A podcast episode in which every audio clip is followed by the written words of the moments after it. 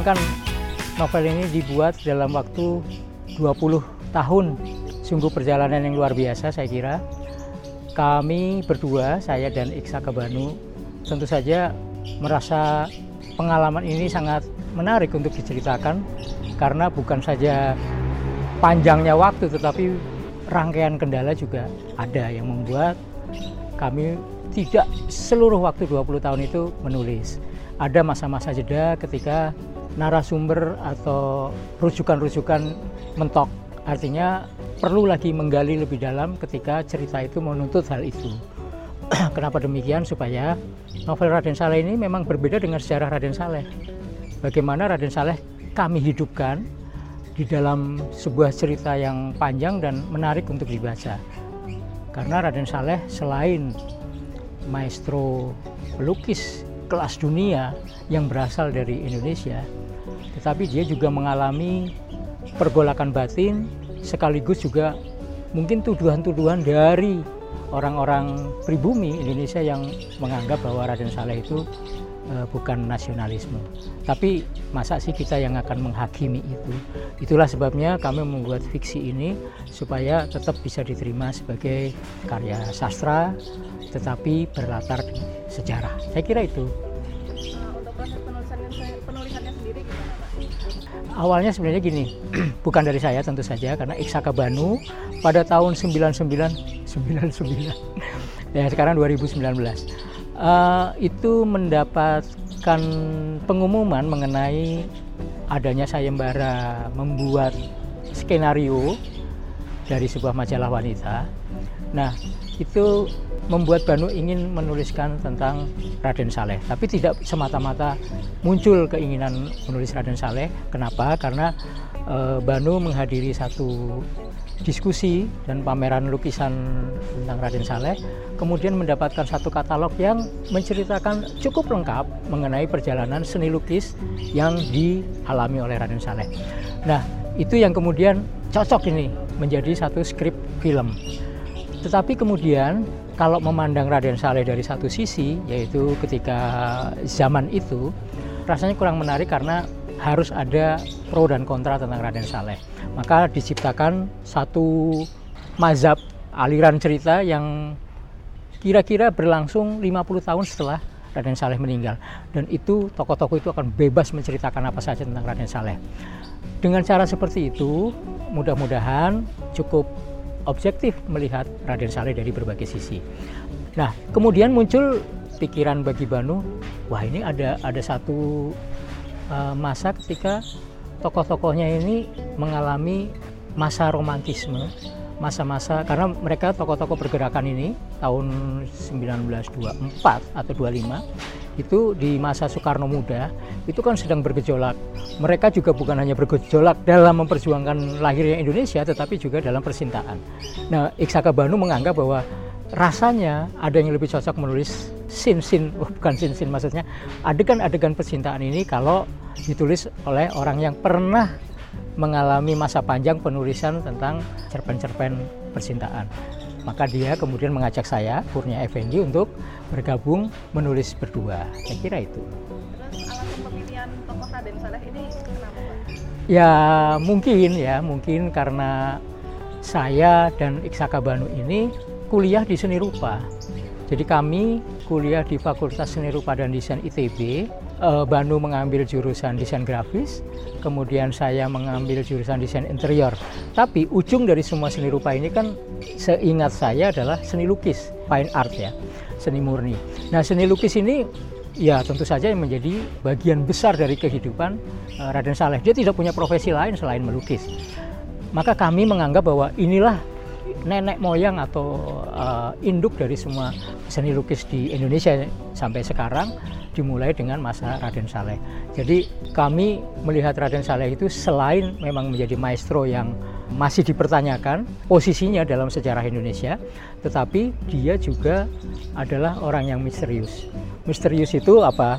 Kisah hidupnya seperti apa sih? Selama ini kami mendengarnya hanya dari mitos-mitos, Nah, bagaimana kenyataannya? Dan itulah yang membuat kami setiap kali membuka rujukan, setiap kali kami membuka pustaka, setiap kali kami menemukan narasumber, bertanya, menggali dan sebagainya, sampai pada akhirnya wah luar biasa Raden Saleh dan cocok untuk sebuah novel. Terus tantangan menulis secara kolaborasi itu apa Pak? Tantangannya pertama adalah soal perbedaan pendapat pasti ya. Bagaimana cara menggambarkan Raden Saleh dari dua sisi. Pertama mengenai kehidupan Raden Salehnya sendiri di lingkungan uh, orang-orang Belanda itu, orang-orang Eropa pada pada umumnya, dan bagaimana sosok Raden Saleh dipandang oleh orang-orang yang mungkin hanya melihat ya jangan dibayangkan sekarang lah semua detik ini terjadi langsung menyebar ke seluruh dunia ya. Kalau masa itu kan mungkin baru dibawa dengan kapal, dengan berita koran yang datangnya sampai ke lokasi yang berbeda itu akan sangat lama. Dan itu membuat kami ya terus berdebat dalam dalam menulis. Tapi kebanyakan sih kami cocok ya. Mungkin mungkin itu juga mengapa Iksaka Bandung memilih saya sebagai partner untuk bekerja sama karena secara garis besar kami cocok apa yang cocok kami selalu uh, menomorsatukan keindahan bahasa. Jadi maksud saya bahwa tulisan ini tidak ingin sekadar menginformasikan ini loh Raden Saleh tetapi bagaimana orang nanti membaca menikmati ceritanya menikmati tamasya bahasa menikmati puitika dari bahasa itu. Sehingga oke okay lah bahwa ini novel berlatar sejarah yang sastrawi puitis dan indah. Saya kira itu. Kalau pada dasarnya kami katakanlah 70% saling melengkapi. Jadi perdebatan-perdebatan itu sebenarnya justru memungkinkan untuk kita menggali lagi apa yang meragukan kita akan gali lagi, rujuk lagi sampai satu persatu memang yang janggal, yang hilang, yang rumpang kemudian bisa terisi ya itulah masa sih 20 tahun akan memberikan satu karya yang biasa-biasa saja.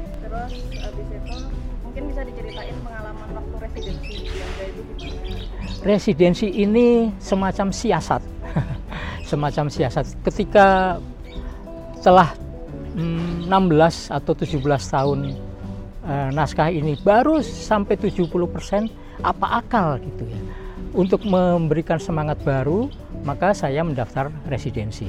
Apa yang saya ajukan kepada Komunitas Buku Nasional pada saat itu April 2017 adalah proposal mengenai novel Raden Saleh yang masih terkatung-katung.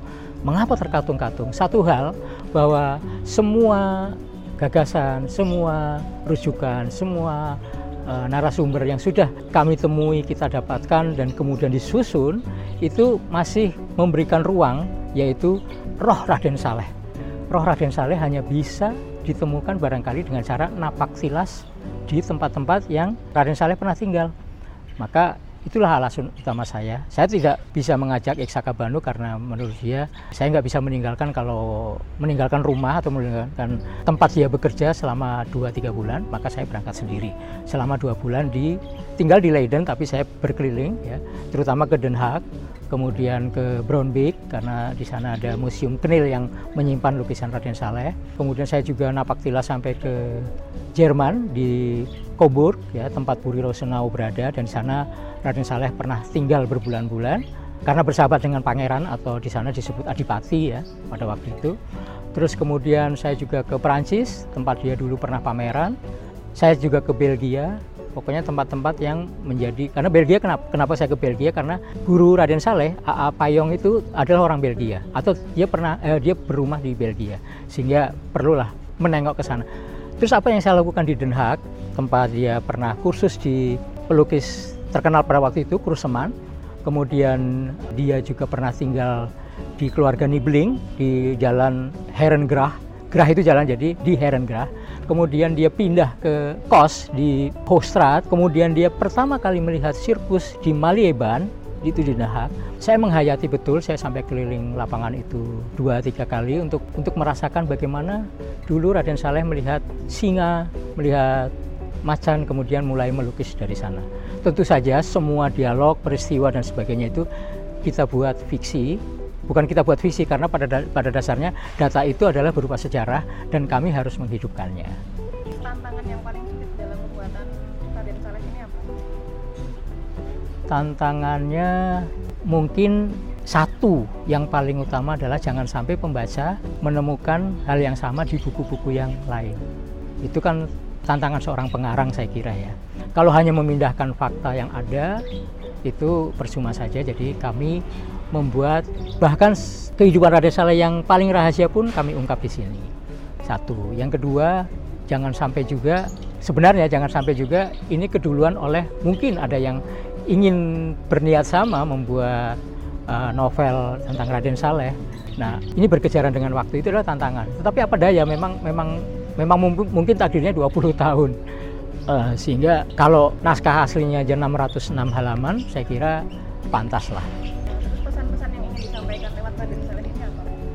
Pesannya bahwa setiap orang tokoh di mana pun, di bidang apa pun, selalu memiliki sisi baik dan sisi buruk. Artinya bahwa kita tidak bisa memuji setinggi langit seseorang menjadi fans yang gila-gilaan atau juga kita tidak bisa menghujat orang itu sehingga sama sekali tidak ada yang tampak baik. Saya merasa senang karena Iksaka Banu berusaha keras untuk uh, memberikan atau menghadirkan Raden Saleh ini secara manusiawi. Dia bukan mitos lagi di dalam novel ini. Dia adalah manusia yang punya rasa cinta, yang punya kebetiran dalam hidup, punya pergolakan-pergolakan batin, tetapi juga di sisi lain juga dia menikmati sebenarnya suasana-suasana kemanjaan-kemanjaan yang diberikan kepadanya. Jadi pesan dari novel Raden Saleh, pesan moralnya barangkali itu bahwa setiap tokoh selalu ada sisi baik dan buruk dan kami tidak ingin menutup-nutupi hal itu. Mungkin satu pertanyaan lagi Pak, uh, kan selama di Belanda ini kan sangat produktif banget ya, selama ini juga Bapak sangat produktif. Nah itu tips-tipsnya itu mungkin bisa di-share. Sebenarnya mengarang itu kan atau menulis ya, itu kan keterampilan. Seperti halnya badminton, berenang, naik sepeda atau memasak, itu semakin sering dilatih, semakin apa namanya ahli. Nah, tanpa passion, rasanya tidak mungkin kita memelihara kontinuitas, kedisiplinan dan sebagainya. Nah, saya merasa bahwa itu mungkin bagian dari passion saya sehingga bakat itu mungkin cuma bisa saja cuma 20% dari 100%, selebihnya adalah kerja keras. Kerja keras itu dengan cara apa? Mencintai, mencintai pekerjaan saya. Saya menulis bisa dikatakan setiap hari ya. Itu sudah seperti napas saya. Pagi hari saya menulis, dulu pernah eh, beberapa tahun itu karena mengantar anak saya sekolah, saya kepagian sampai di kantor Nah dengan cara itu saya nggak membuang waktu ya. Setiap pagi saya menulis mungkin satu jam setengah jam. Setiap pulang kantor saya membuka laptop, kemudian saya mandi, sholat, eh, makan malam, ngobrol, nonton TV, balik ke laptop menulis. Walaupun hanya mungkin membaca ulang, mengedit atau menemukan atau mencatat gagasan-gagasan baru yang akan ditulis pada hari berikutnya. Pokoknya menulis di mana pun saya pergi apalagi dalam event-event yang beberapa hari di luar kota itu saya selalu membawa laptop. Beberapa buku saya tulis juga di tempat-tempat lain. Jadi saya menyempatkan diri di hotel di kafe itu untuk menulis. Meskipun hanya mungkin menambah satu dua halaman